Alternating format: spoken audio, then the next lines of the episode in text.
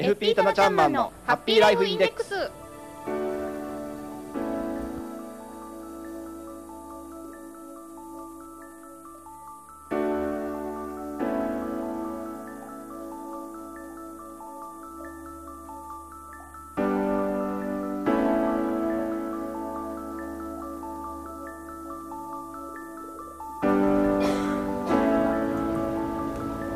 FP タナちゃんマンのハッピーライフインデックス。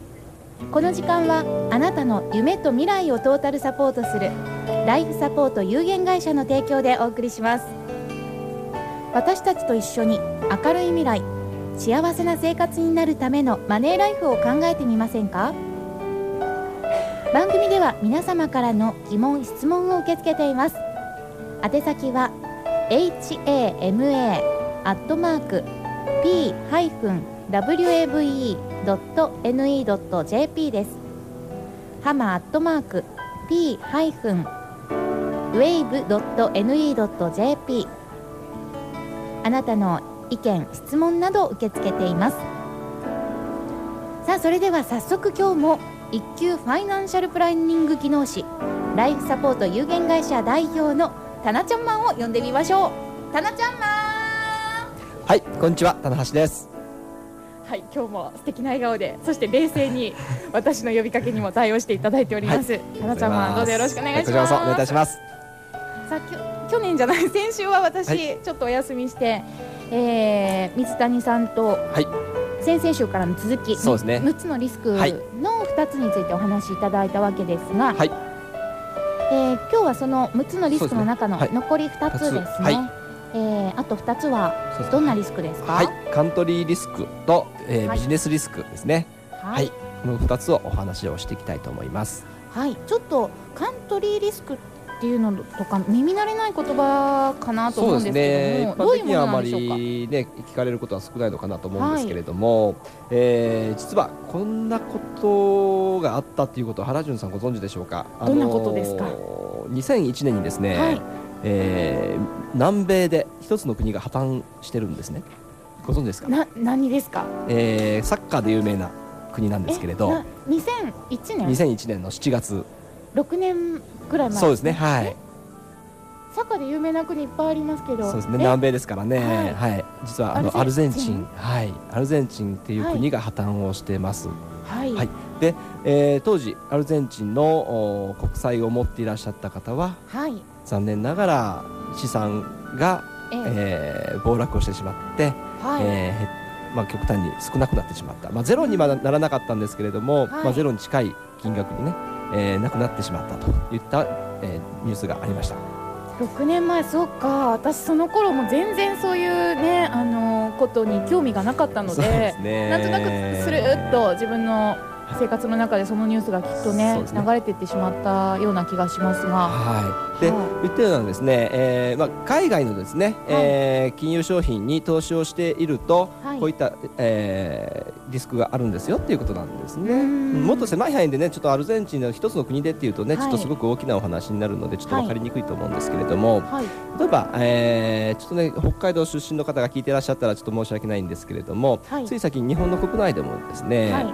夕張市っていうはい。市がええ。財政破綻してしまいましたよね。えーで、えー例えばですね、はい。この、まあ、あ愛知県を中心としたこの中京圏はですね、は非常にまあ日本の中でも、うんえー経済的には今あー伸びている地域なんですがね。えー例えばここの、まあ、三重県愛知県というところですね、はい。えー商売をしてて、あのーすごく好調な業者、業ね、業績を上げていらっしゃる、ええあの業種の方でも夕張市で同じ商売をしていらっしゃったらどうなのかと考えると、はい。まあ、10万人いらっしゃった、ね、人口が今1万人ぐらいにまで減っておりますんで。ね。10分の1ぐらいですね。そうすると、同じえー業種であってもやはりその会社は破綻をしているんじゃないかということを考えるとですね、うん。やはりその地域地域のはい。リスクがあるということなんですね。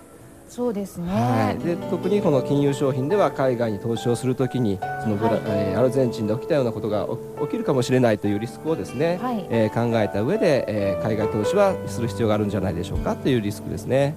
はい、それはどのように見極めたらいいとかって難しいですよね。そうですね、あのーまあ、見極めはねやはりその、はい。非常に難しいとは思うんですけれども、はい。例えばその2001年に、はえー破綻をしたはい。アルゼンチンの例を取っていきますと、はい。まあアルゼンチンはどうして破綻をしたのかということが申し上げますとね、ええ。えー当時、えー貿易赤字があーかなり膨らんでいたと、はい。でアルゼンチンという国はですね、まあ、まだまだまだ大丈夫だろうとこのぐらいの赤字なら、貿易赤字なら大丈夫だろうと見込んでいたところ、金融マーケットがあもうこれダメだと、見切ってしまったんですね。そちらの方からそうですね。なんかこう打ち切られてしまったという。ですね。で、えー金融マーケットの方でアルゼンチンのの国債を全、えーほとんどの、えー金融マーケットがですね、はい。えー売りに出されてしまった、ええ結局、うーんまあなんていうのかな市場の原理ではい売り手が多ければ当然値段は下がる。はい。ということですね。値段が下がれば当然金利を上げなくちゃいけない。といったようですね。ですね。えーはい。ことが起きましてアルゼンチンはどんどんどんどん、あの新しく発行する国債の金利を上げなくちゃいけない。かといって、買う方がいらっしゃらない、えー国債の価格はだんだん下がっていく、はい。そういう悪循環にははまってしまって、はい破綻をしてしまった。うんうんうんでそういうのはですね、えー国の貿易だとかですねそういったニュースは、あのーまあ、インターネットとかで簡単に取れるとは思いますのでね、海外投資をされようという方はそういったところのニュースもね、見られていく必要があるんじゃないでしょうか。そういったところをチェックして、はい、えー海外の場合は特に慎重にそうですね。はい。選んだ方がいいということですそうね。はい。はい。現在具体的にどういう国がいいとかそういうことはちょっとそうですね、まあ、現在はね、そのまあ、極端に危ないという国はね、あの、はいニュースは出てないと思いますけれども。まあ、あのーまあ、まあ、全回、あの、全世界的にですね。はいあの、例のアメリカのですね、サブプライムローンで、はいえーかなり暴落はしておりますんでね、まあ、慎重に行ええうっていうことはね、大事かなとは思います。なるほど、はい国内に関してもそういったことがあるってそういうことですね。はい。まあ国内でもね、あの地方債といってですね、はいあのお地方公共団体もですね、はいあの債券を発行しておりますので、そういったものがありますよね。例えはい。ば市とか県とかでそうですねというところのそういった債権があるわけはい、なんですね。そうですね。はうーん日本国内ですとそこまで、えーどこが破綻するっていうのは、まい。あ、そうですね。危険性はないでしょうか、ね多分大丈夫だと思いますけどね。まあ先ほど言いました、まあ夕張市がね、じええ事実破綻はしておりますけれどもね。まあはいまああの夕張市は極端なお話ですけれどもねうん。はなるほど、はいそれがカントリーリスい。クというもの、そうですね。はい。そしてもう一つがビジネスビジネスリリスクスクはいですね。あのビジネスリスクはですね、例えば、うーんまあ数年前に起きました、はい。えー三菱自動車さん。ね、今はもうすごく、はい。あの業績もちょっと好調期にね復活してきなってますけどね。あの例えばそのリコールの問題であったりとかですね、えー某大手の化粧品メーカー宝石会社のですね、はい。粉飾決算があったりだとか、ええ。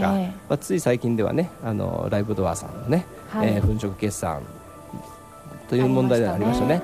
であのー好調な業種の中であっても、はい、えー何かの原因でですねその会社の株式が暴落してしまうとか、うんうんいったこともあります。これをビジネスリスクと言いますね。うんは決して会社が好調だからといって安心していてはいけないい。ですね。そうですね。はうい。んあの会社自身が何かこう問題のようなことをしはてい。いなかったとしてもそういうことってあるんですかそうですね。あのー例えば何かの噂があったりとかですね、はい。そういったことによって起きるということも過去にはあったというふうには聞いております。あー実際には本当にあの法律に触れるようなことではないそうですね。は噂の方が先行そうですしているね。はい。なるほど。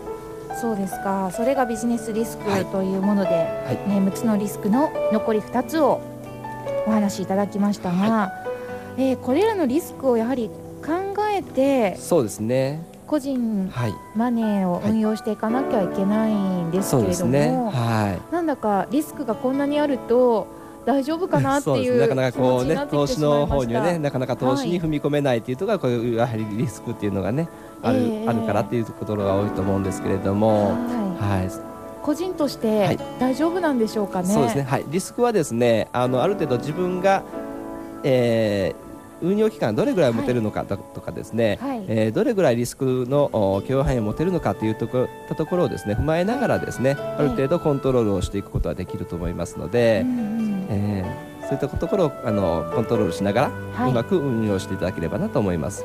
なるほど。ではうまくきちんと利用するそのコントロール方法というのも教えていただきたいと思いますね。はい、はい、タナちゃんマンにはぜひその具体的な方法も詳しく聞いていきたいんですが、それはでは来週はい、にそうですね。はい。またお話しいただくことに、はい、リスノックのコントロール方法をお話ししていきたいと思います。はい、わかりました。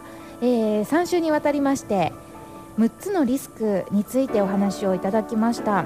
えー、6つのリスクがあると聞いて、え ーなんだろうってすごくね、あのー最初わからなかったんですけどもだんだんとわかるようになってきた皆さんが多いんじゃないでしょうか。さて、えー6つのリスクマーケットリスクそして為替リスクインフレ金利変動そしてカントリーリスクとビジネスリスクこちらを詳しく説明していただきまして来週からはこのリスクをうまくコントロールする方法個人でも決して恐れなず恐れずに、えーマネーを活用するためにこのリスクをコントロールできる方法をお話しいただきます。さてたなちゃんマン、いえー毎週登場していただいてますけれども、はいとってもねブログも好評ですよねあ、ありがとうございます。楽しいですよねあありがとうございます。はい、ホームページを皆さんぜひご覧ください。とってもね、あのたなちゃんマンのそっくりなイラストも似顔絵もありますし、はい、とてもわかりやすい内容となっています。http コロンスラッシュスラッシュ www ドットライフ -spt ドット co ドット jp スラッシュです。FP タナちゃんマンのハッピーライフインデックス。この時間はあなたの夢と未来をトータルサポートするライフサポート有限会社の提供で浜園サテライトスタジオよりお送りしましたそれではたなちゃんマンまた来週もお願いします、こちらこそお願いいたします。また来週この時間お会いしましょうお相手は原潤とはい、たなちゃんマンこと棚橋でした。また来週、いバイバイ失礼します。